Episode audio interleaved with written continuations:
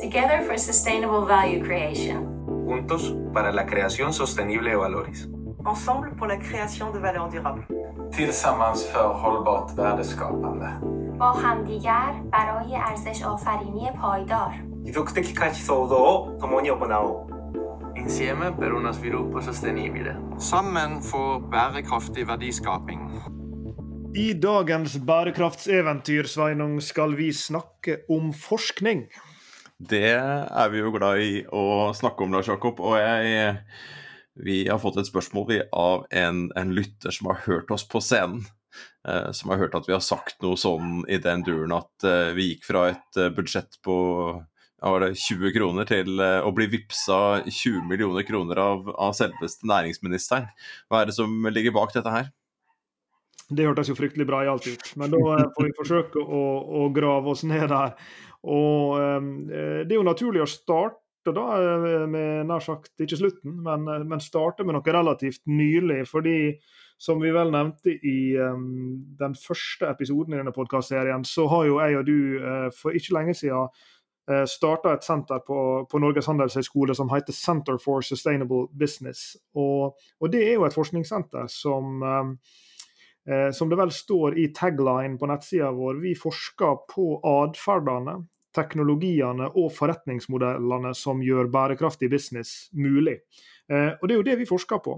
Eh, og det er jo helt riktig som, som, eh, som vi da har sagt eh, litt bråkjekt på, på scenen, at vi, vi, pleide å ha ørsmå budsjett. Så en, 20-er til en bussbillett til nærmeste bedrift vi kunne banke på hos, det var vel omtrent der års, årsbudsjettet vårt lå. Og så har vi vært veldig heldige over mange år, er jo du, ved å få jobbe med både større og mindre bedrifter her til lands som vi har designa forskningsprosjekt sammen med, som vi etter hvert har tiltrukket forskningsmidler fra.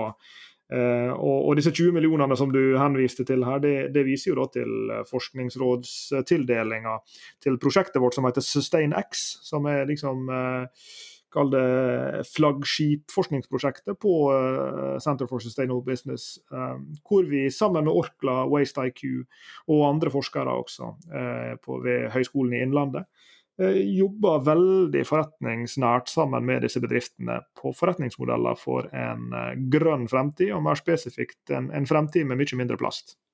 Jeg husker den telefonen Lars Jakob fra, fra Bård Svendsen i, i Orkla, som som satt der med dette plastproblemet i fanget. Han tror jeg vi skal jaggu invitere hit en dag. Ja, det må vi gjøre. Og han, han åpna opp en verden der. Og det var jo en periode hvor, hvor plast kom høyt opp på agendaen. Og hadde, hadde ikke svømt i land, men det var jo hva kaller man det? Noe, noe som er dødt? Flyt i land. Takk skal du ha. Flyter i land. Du, Her ute ved kysten så liker vi å hjelpe til med maritim sjargong. Det fløt en død hval i land med magen full av plast. Jeg husker ikke hvor mange typer eller type plast det var der. Det var snakk om en 20-70 stykker. Nå, nå, det var et stort anslag. Det var i hvert fall mye plast som kom opp uh, via denne hvalen.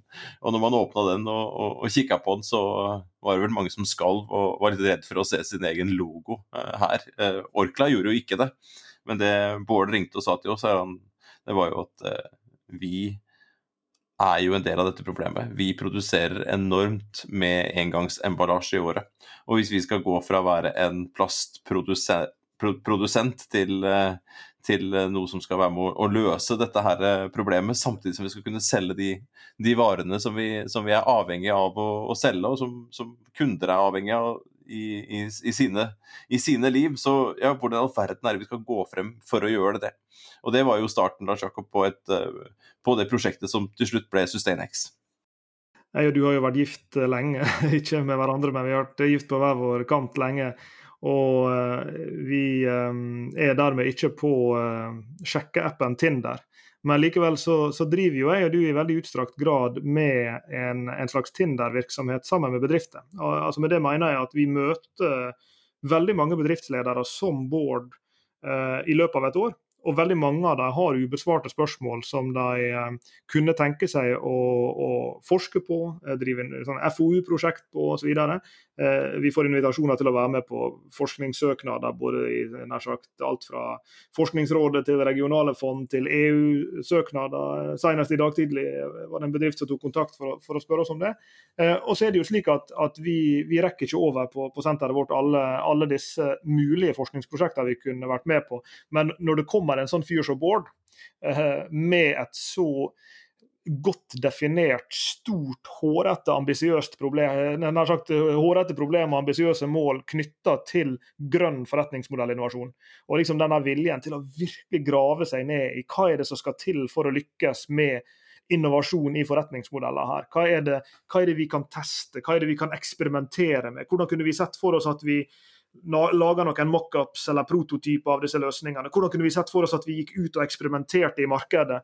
Eh, det er jo sjelden ting tar mer fyr i nær sagt håret og, og ørene våre enn en, eh, når noen kommer og sier det. Så, så denne matchinga her mellom interessante forskningsmessige innovasjonsspørsmål, forretningsmodellspørsmål, eh, bærekraftspørsmål, og på den andre sida disse store praktiske utfordringene, som et Orkla med plastproblemet, eller et nær sagt Det kunne vært Equinor og, og CO2-problemet, og det kunne vært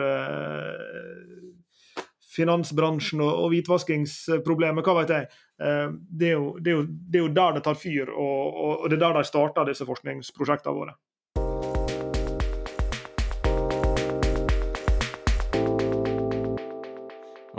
I forlengelsen av dette prosjektet da, så ble vi jo bedt om å starte et Center for Sustainable Business. Og med da et budsjett som gir oss mer handlingsrom enn det vi hadde før. Eh, med partnere som Orkla og WasteIQ har vi snakket om eh, tidligere.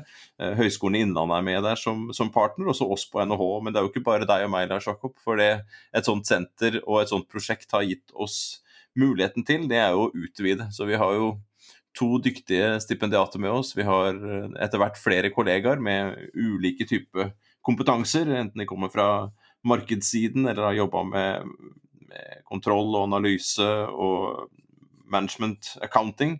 Eh, og vi har også andre, andre, kollegaer inne som er med oss da, på å utforske Eh, disse her spørsmålene knytta til både bedriftene, men, men, enda videre sett. Eh, sånn som hele denne podkastserien handler om, er jo det store bærekraftsproblemet. Hvordan kan bedrifter gå fra å være kilden til disse problemene til å kunne bidra til å, å løse dem. Og, og senteret sånn sett, med hva er det du sa i stad, vi studerer atferden, teknologien og forretningsmodellene som skal til for å få til bærekraftig business. Så Det betyr at vi har jo spredd oss ganske bredt ut her, eh, og har ulike forskningsprosjekter og ulike, ulike tilnærminger her. Og Orkla og plast, det er jo ett av dem. Vi har fortalt før om, om WasteIQ og, og, hvordan de jobber med smartere avfallshåndteringsløsninger. Eh, denne piloten som vi snakket om allerede i episode én, hvor, hvor, vi nevnte dette kjøpesenteret som skal bli fri for restavfall. Og Så går vi ned og som du sier, tester og kverner og forsøker å finne ut, da. F.eks. knytta opp mot kunder. Hva skal til for at kunder For å løse for å si Boards eh, konkrete problem, da, når du, når du har drevet en, en, virksomhet som har produsert engangsemballasje og fylt det med såpe, sendt det til butikkene. Vi har kjøpt det, vi har brukt innholdet, og vi har kastet det.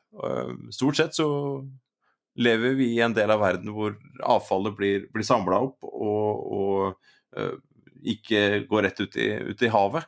Uh, men samtidig så er det jo noe ja, det er litt, noe korttenkt ved å basere en, en hel sånn uh, Hva skal man si? En hel sånn verdikjede som det på engangsemballasje. Men skal man gå fra engangsemballasje til noe annet, ja da må man f.eks. begynne med påfyllsløsninger. Og det hadde de jo testet lenge. Uh, og alle kjenner jo disse her posene på, på butikken hvor du får kjøpt uh, påfyllsvarianter som gjerne er dyrere enn en utgangspunktet, og du må klippe opp og helle oppi og blande ut med vann, og, og, og så står du der med avfall allikevel. Men er det mulig å vri det fra produkt til en tjeneste? Det var jo Bårds eh, spørsmål veldig, veldig tidlig også. Hvordan er det mulig å bevege seg fra en verden uh, hvor man er basert på engangsemballasje til, til tjenester? Og da utforsket vi sammen med han uh, ulike påfyllsløsninger. Det der er jo en, en, eh, en omfattende historie i seg sjøl, som vi har gjort mye forskning på, og, og, som vi skal vende tilbake igjen til. Både tror jeg sammen med Bård og, og, og på andre måter. For her har vi jo publisert en hel del forskning eh, allerede på både på eh, nær sagt eh, grønn, grønne produkt, eh, grønn emballasje osv., men også på, spesifikt på disse påfyllsmodellene som, som Bård eh, ønsker å teste. og Der eh, er jo ikke minst vår stipendiat Husnain Bashir, som er har, har doktorgradsarbeidet sitt knytta til disse typene eh, eksperimentelle tilnærminger på, for forretningsmodeller, grønne forretningsmodeller. Eh, eh, gjort mye spennende forskning som, som vi skal dele, dele, mer om. Men så er det jo noe som er spennende som skjer når du graver deg langt ned i innovasjonsprosjekter av den typen. og det er at Du begynner å se paralleller på kryss og tvers. Eh, og En veldig sånn enkel parallell for oss å se, det var jo bl.a. Vinmonopolet. som eh, Jeg har gleden av å sitte i styret til Vinmonopolet. og Slik kom vi jo i kontakt for noen år siden med det teamet som jobber med, med eh, miljø generelt og såkalt miljøsmart emballasje spesielt i Vinmonopolet. Og Mens Orkla kan lage påfyllsmodeller for såpe, så får du nok aldri en, en påfyllsmodell for, for champagne i, i Vinmonopolet, selv om vi godt kunne tenke oss det. Eh, men, men, det er klart at mange av de samme driverne for smartere emballasje, for gjenbrukbar emballasje, for pantbar emballasje osv., de finner du også der. Og Nå har vi jo under oppseiling eh, et forskningsprosjekt også sammen med Vinmonopolet, hvor eh, to av de veldig veldig dyktige NHH-studentene våre nå rett før jul kjørte et et stort eksperiment på, eh, på eh, miljøsmart emballasje og påvirkninger på kunder sin oppfatning av kvaliteten til vinen. Eh, nær sagt eh, hvorvidt vinen kan, er presentabel, hvorvidt vinen kan lagres. Alle disse oppfatningene som, som, du ville tenke at en kunde skulle bry seg om. Så Det er jo den ene typen parallell vi ser. at Når vi liksom graver oss lenger og lenger ned i såpa, da, for å si det på den måten, sammen med, med Orkla, så ser vi at jøss, her er det jo så mange av de samme interessante problemstillingene som veldig, veldig mange andre bedrifter står i samtidig. Og så I tillegg så er vi jo så heldige fordi at vi står i et internasjonalt nettverk av eh, dyktige forskere som, som, lurer på de samme tingene som oss. Eh, så har vi jo også begynt å, å få knytte bånd til andre aktører som jobber med likearta eh, problemstillinger. Og, Der er jo det ikke minst eh, kollegaen vår Nancy Bokken i Maastricht som har et stort prosjekt Vårt heter SustainX, hun har et som heter CircularX, som handler altså om, det, om eksperimentering med sirkulære modeller. Og Da ser vi jo at over hele Europa eh, så sitter eh, forskere og jobber med likearta typer prosjekt. Hun har jo jobba bl.a. med HM på litt andre ting, på, på fashion-sida og tekstil men også nå med en av de store retailerne i England, som, som også forsøker å få til eh, smartere emballasje, mindre emballasje, gjenbrukbar emballasje, påfyllsmodeller osv. Så, videre. så Så det er jo nær sagt dag for dag her så åpner vi liksom en ny dør der det popper opp nye interessante spørsmål, nye interessante modeller som det går an å forske på, som det går an å teste, som det går an å i hermetegn imitere også her i den norske settingen. Eh, så dette er jo virkelig en sånn overflødighetshorn av innovasjonsmuligheter som ligger i dette området. Det er jo noen hypoteser her, Lars Jakob. Du, du, trekker opp vin der og den undersøkelsen der, og så snakket vi om, om, om såpe. Og det å gjøre, om, gjøre, såpe fra et produkt til en tjeneste. Uh, som, et, som, en metafor, det å kunne strømme såpe. altså Hvordan er det man kan strømme såpe på samme måte som vi strømmer musikk? Hvordan er det vi kan gjøre disse produktene til Eh, tjenester som vi kan få tilgang til. Men når dere gikk inn i, i, i eh, du gikk inn i, i, Vinmonopolet her med disse to masterstudentene, eh, hva var hypotesene der? For én ting er liksom å kunne skulle, skulle bytte fra å kjøpe en, en sjampo til å få den sjampoen i en eller annen form for påfyllsløsning hjemme hos deg.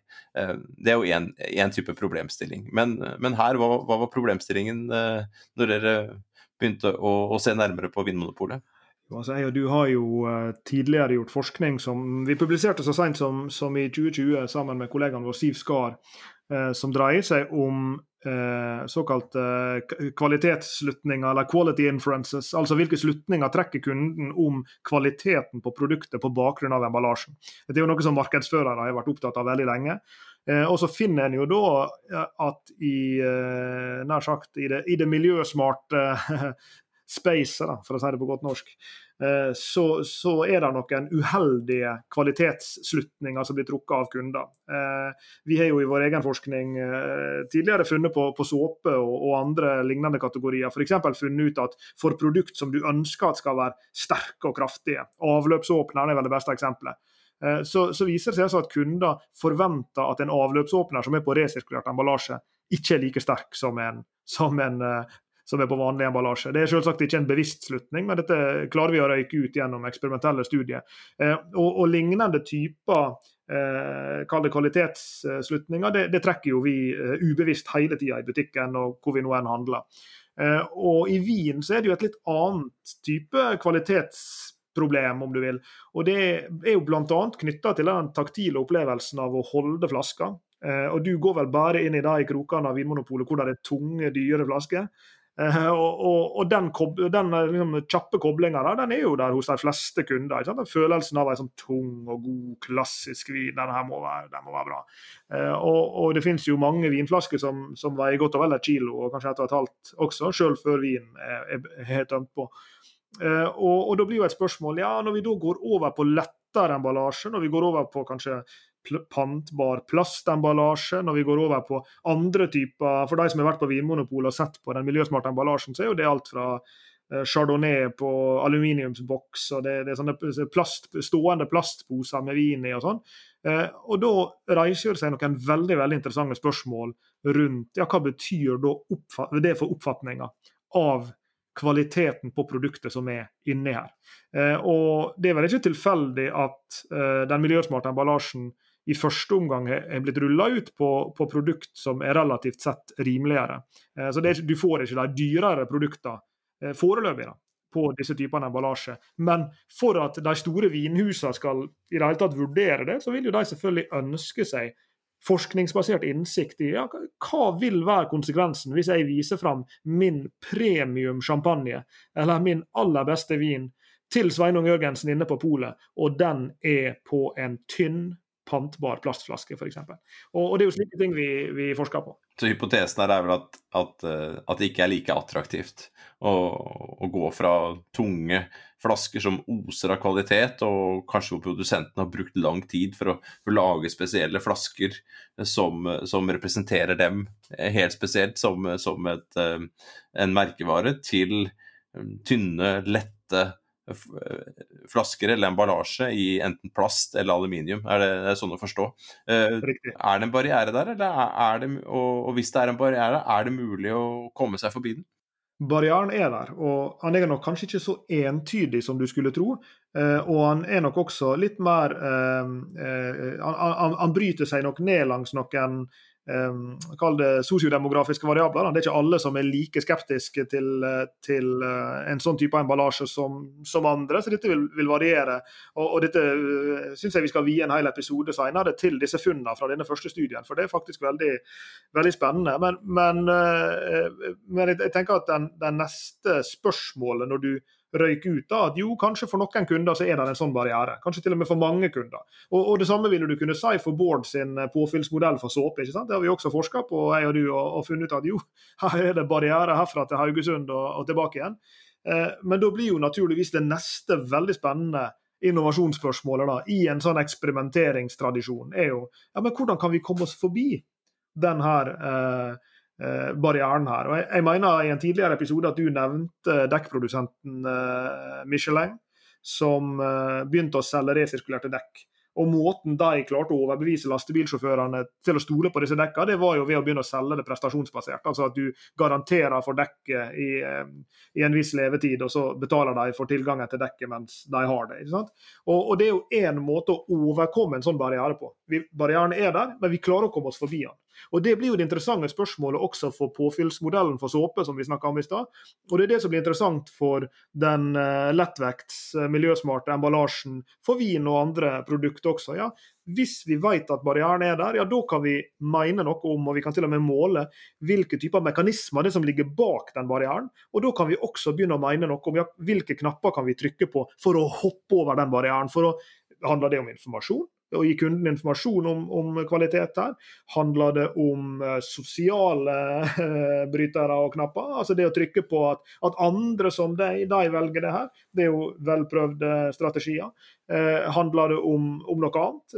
handler det om finansielle insentiv? Liksom, hva er det som er måten du kan komme rundt disse barrierene på? For, for stort sett så slutter ikke historien ved at du identifiserer barrieren. Det virkelig spennende spørsmålet er What do we do next? Så Du nevner atferd her, og så er det jo forretningsmodeller. Altså sånn, Hvordan kan man løse det, hvordan kan man eh, tilby disse eh, produktene, disse tjenestene på nye måter. Men teknologi, eh, hva slags type teknologiutfordringer hva er det dere jobber med i, i Vinmonopolet her for å overkomme disse barrierene? Ja, Godt spørsmål. Altså, i, i, eh, i, akkurat i, i sjølve selve det distribusjonsløsninga, så er, er vel Orkla sin mer høyteknologisk enn Vinmonopolet sine innovasjoner er. Men vi, vi, tok jo en liten interessant twist med disse studentene på, på den teknologiske uh, utforminga av testen. For der ble jo det utvikla en serie med videoer som ble brukt i en koronatid, hvor du ikke kan kjøre tester på kunder ute i felten. Eh, så da ble det istedenfor utvikla eh, videoer som fungerte som sånne stimuli som disse kundene så på, hvor de ble eksponert for ulike typer versjoner av den samme vinen osv. Så, videre. Eh, så Så her prøver en jo å, å, å være litt smart i kall det levendegjøringa av, av disse testene, for at det ikke bare skal bli et et abstrakt, kall akademisk spørsmål. Kunne du Sveinung Jørgensen, tenke deg å drikke en vin som var på plastflaske? Men at du eksponeres for produktet sånn det ser ut. At det er en person fra Vinmonopolet som på skjermen holder flaska fram og, og forteller deg om den og forteller om attributtene osv. Eh, og, og der ser vi jo også at, eh, at det er interessante forskjeller mellom de ulike typene stimuli eh, på, på, nett som en blir eksponert for. og at, at det å få en sånn levende person som står på skjermen og, og, forteller deg om produktet, det faktisk gjør informasjon mer troverdig for uh... Det jeg fiska litt etter, jeg var litt usikker, så jeg, måtte, jeg har slått opp her mens du forklarte nå. For det har begynt med pant òg, har det ikke det? Ah, jo, jo, jo. Ja, for det her er det begynt med panteautomater, og det var det jo ikke tidligere. Både pant på emballasjen og panteautomater i butikkene. Eh, hvilken effekt har det hatt? Har, eh, Fins det noe data på det ennå? Ja, dette burde jeg jo kunne eh, ta på stående fot, men, men det, jeg, jeg, har ikke tallene. Men jeg, jeg, vet at det har vært en, en veldig betydelig eh, økning på altså For det første har det jo vært en økning på eh, mengden eh, pantbare produkt, altså at flere og flere eh, flasker eh, Det ble jo dobla på et halvår, husker jeg det var snakk om. Det var vel i 2019, men, men nå i 2020 så var det også en en uh, artikkel husker jeg, i avis som gikk på, på uh, økninga i uh, pant, altså fak faktisk panta produkter av disse. disse pantbare. Her, er faktisk den artikkelen jeg drister meg til å google mens jeg, mens jeg snakker. og Her står det at panteandelen på plastflasker med vin er gått fra 0% i 2019, altså når de begynte med dette, da var den jo selvfølgelig 0% mens nå er det 60 Eh, prosent ved slutten av 2020. Eh, eh, og det er nå 610 ulike produkt på Vinmonopolet som, som er pantbare, som har blitt solgt i løpet av, av, året. De aller fleste av dem er, er øl, men det er en økende mengde også vin.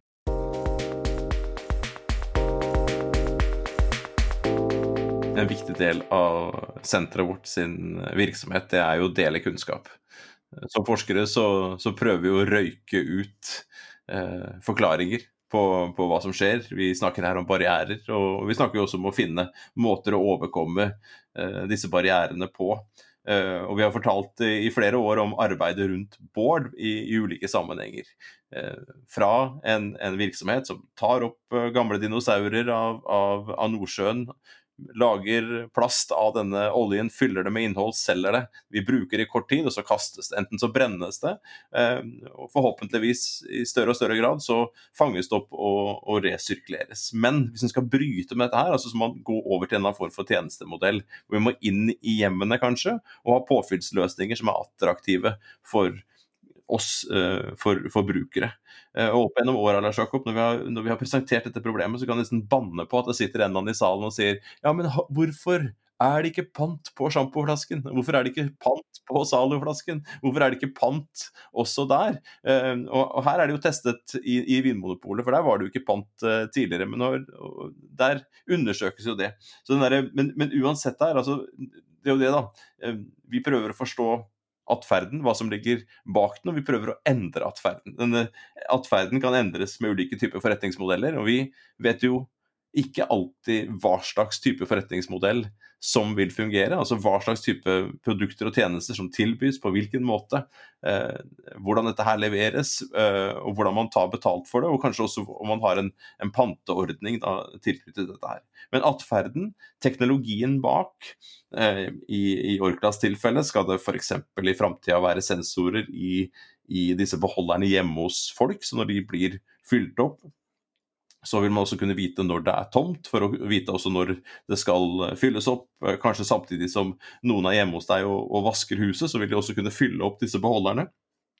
Hva slags type forretningsmodell skal det pakkes rundt denne tjenesten? Og Det er jo de tre områdene der vi har dyrka rundt, rundt senteret og, og, rundt forskningen vår. Og Vinmonopolet har et, et sett med pro problemer. Orkla har sitt sett med problemer. Du nevnte Equinor og andre energiprodusenter i, i, i, som, har, som, har, CO2 som en viktig del av sitt problembilde.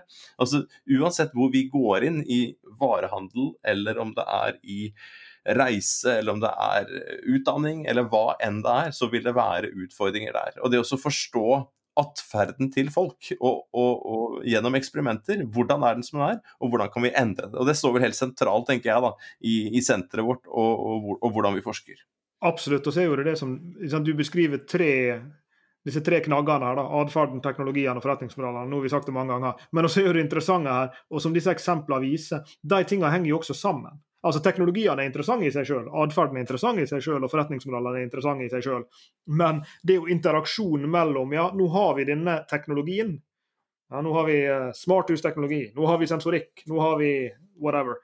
Uh, hva slags type atferd må til for å utnytte den teknologien. Nå har vi forretningsmodellene, men hvilken type atferd forutsetter forretningsmodellen at kunden skal være med på? Og Vi er jo interessert i denne interaksjonen. så Husnain, som vi nevnte her i stad, stipendiaten vår, har en, et forskningsprosjekt nå sammen med en, en, annen del av Orkla, hvor han ser på bruken av QR-koder for å gi kunder eh, informasjon om bærekraftsavtrykkene til produkt. Og Det er klart at det er jo vel så mye en teknologigreie, det er QR-koden, som det er en atferdsgreie. Hva skal til for å få folk til å faktisk skanne den QR-koden? Hva slags atferd fører det til, osv. Og, og, og et stykke lenger ned i løypa så er det kanskje et forretningsmodellspørsmål der også. Så det er jo akkurat i liksom den der interaksjonen mellom disse tre that's where the action is.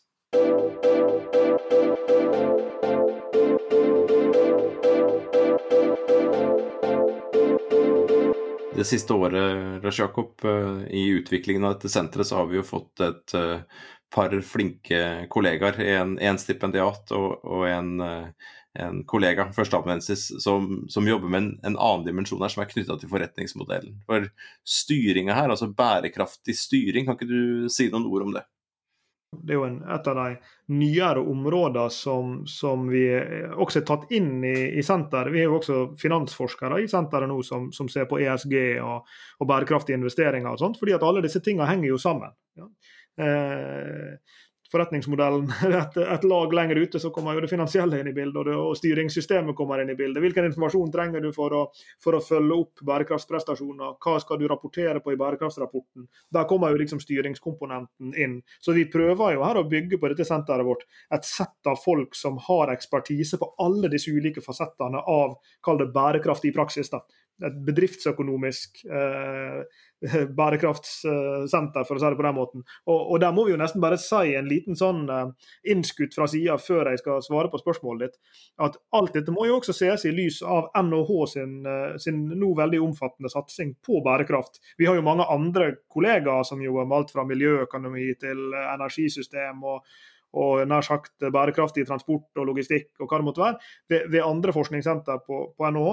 Eh, og, og, alt dette er jo under fanen av NHH sin nye eh, eksistenserklæring, eller mission statement, sammen for bærekraftig verdiskaping, som, som ble jo NHH sin, sin eh, nye eksistenserklæring for vel et år siden, eller noe sånt. Eh, og, og Senteret vårt eh, passer jo fint inn under det her, fordi at vi nettopp jobber med bedriftsøkonomiske spørsmål knytta til eh, utfordringer med å forene bærekraft og, og, lønnsomhet. Og Der er jo disse to som du nevner, Anna Eitrem som er stipendiaten og Anita Meidel som er førsteamanuensis. De har jo da et, et underprosjekt innenfor senteret som går på styringsmessige forhold knytta til, til, bærekraft. Det er sånne ting som rolla til bærekraftsdirektøren eller bærekraftsjefen. Eh, hvordan ser rolla ut, hva slags innhold har han, hvordan får du en slik eh, aktør til å fungere i organisasjonen osv. Så, videre. så er det andre typer styringsmessige spørsmål. Hvordan kan du bruke insentiver, enten finansielle eller andre, for å drive bærekraftsarbeid i virksomheten framover? Hvilke typer Eh, KPI-er, eller sånn performance-indikatorer, eh, er viktige å, å, måle og følge opp for å lykkes med de vesentlige forholdene, eh, som vi dekka i en tidligere episode. De vesentlige bærekraftsforholdene. Og Alt dette er jo styringsmessige spørsmål som ligger med på liksom den organisatoriske sida, der du og jeg jobber særlig mye på forretningsmodellsida og, og, og, til dels også ut på, på kundesida. Så, så, er jo det her en, en annen del av puslespillet som er fryktelig viktig for å lykkes med Eh, og, og, integrere bærekraft i, i, en virksomhet. Men en atferdskomponent der òg, Jakob. Hvis du skal styre denne atferden i en retning, hvis man har satt seg noen mål, da, eh, gjort en vesentlighetsanalyse og, og skjønt eh, hvor er det skoen trykker for vår organisasjon, hva er det vi må håndtere av negative eksternaliteter, altså skyggesiden vår, og, og hva er det vi burde gjøre mer av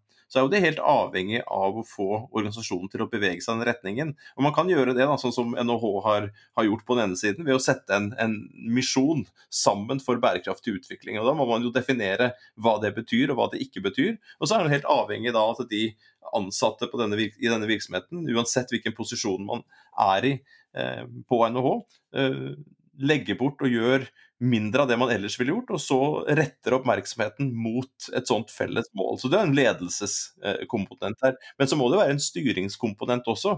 Hvis denne organisasjonen vi jobber i da kun hadde sagt at dette er vår misjon, dette er de verdiene vi vil styre etter, men ikke hatt noe slags insentiver, som du sier, ikke hatt uh, gitt noen uh, penger eller myndighet til folk som hadde lyst til å, å, jobbe med den type problematikk. Så det også både, både Men det er en atferdskomponent der er denne atferden for å få til bærekraftig utvikling eh, i bedrifter eller bærekraftig business. Og, og, der er det jo Anna og, og, og Anita går inn og, prøver å se på den rollen, altså den Chief Sustainable Officer f.eks., som har vokst fram nå som en, en, rolle, men også hele strukturen rundt. Hvordan er det man lager et styringssystem som gjør at bedriften eh, beveger seg i den retningen? For det trenger jo du når kravene begynner å komme. Enten kravene kommer fra en regulator eller fra en investor, eller i vårt tilfelle fra en eier. fordi at omtrent samtidig med at NHH fikk denne nye eksistenserklæringa. Du sa 'sammen for bærekraftig utvikling', så jeg må bare eh, rette på, på det. Si 'sammen for bærekraftig verdiskaping', sånn at det blir tatovert inn i hjernen din sånn ordentlig. Eh, så, så hjalp det jo at vår eier, da, Kunnskapsdepartementet, som eier Norges handelshøyskole, kom med ei kravliste som ikke var uambisiøs en dobbel nekting, ikke uambisiøs.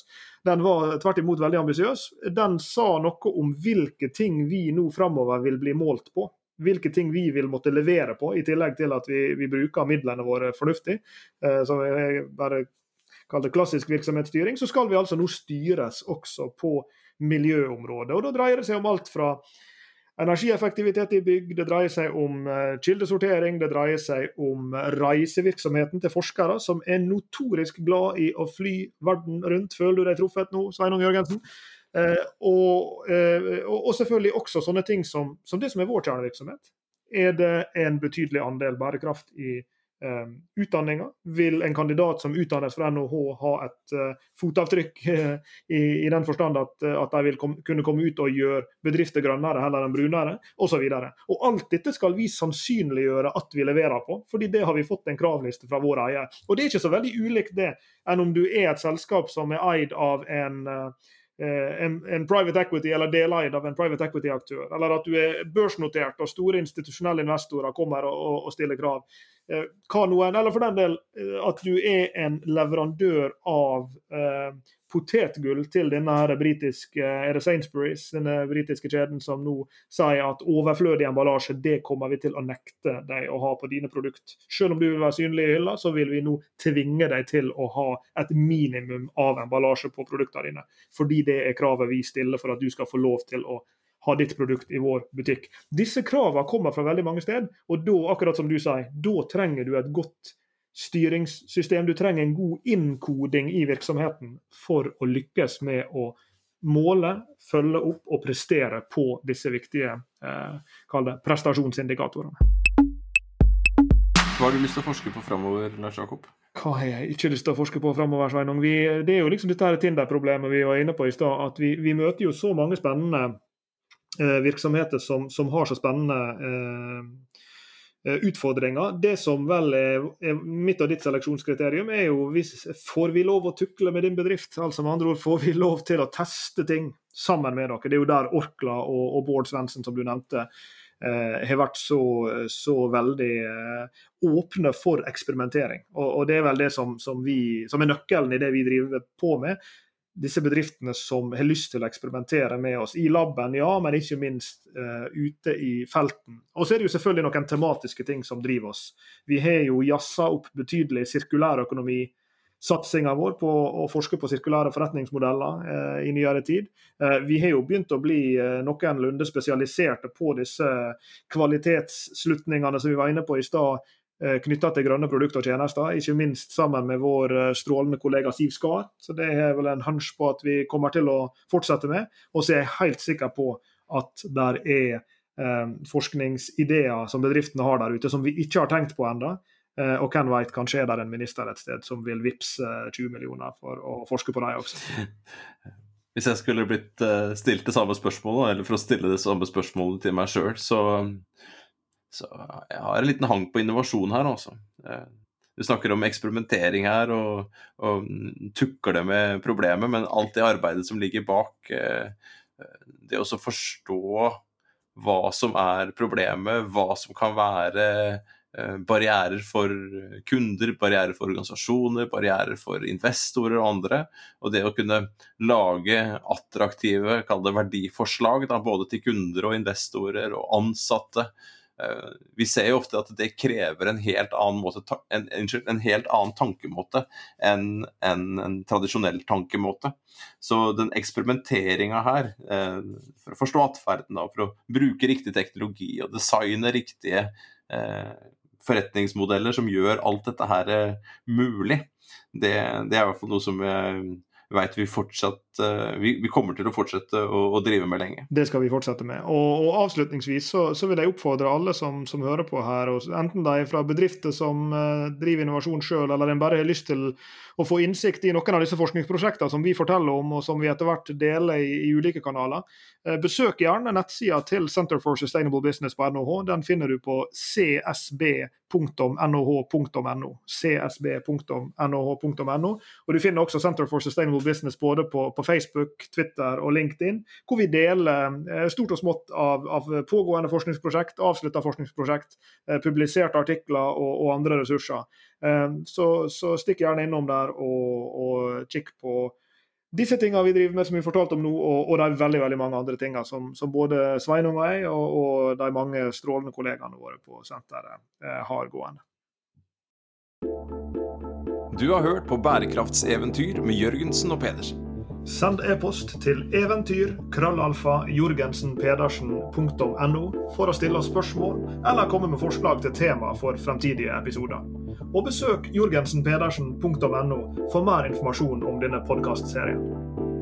Derfra kan du også fortsette samtalen med oss i sosiale medier på Twitter, Facebook, LinkedIn, YouTube og andre steder.